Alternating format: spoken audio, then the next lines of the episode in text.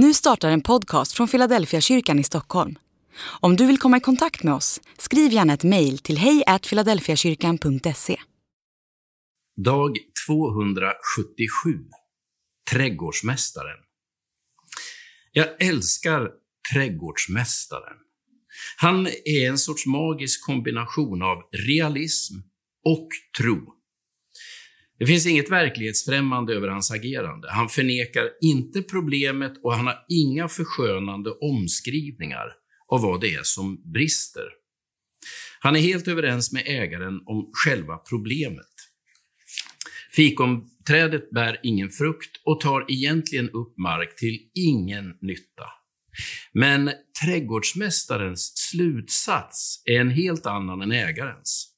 Han utgår från att livet kan komma tillbaka och han verkar för att det ska bli så. Trädgårdsmästaren talar och handlar i tro.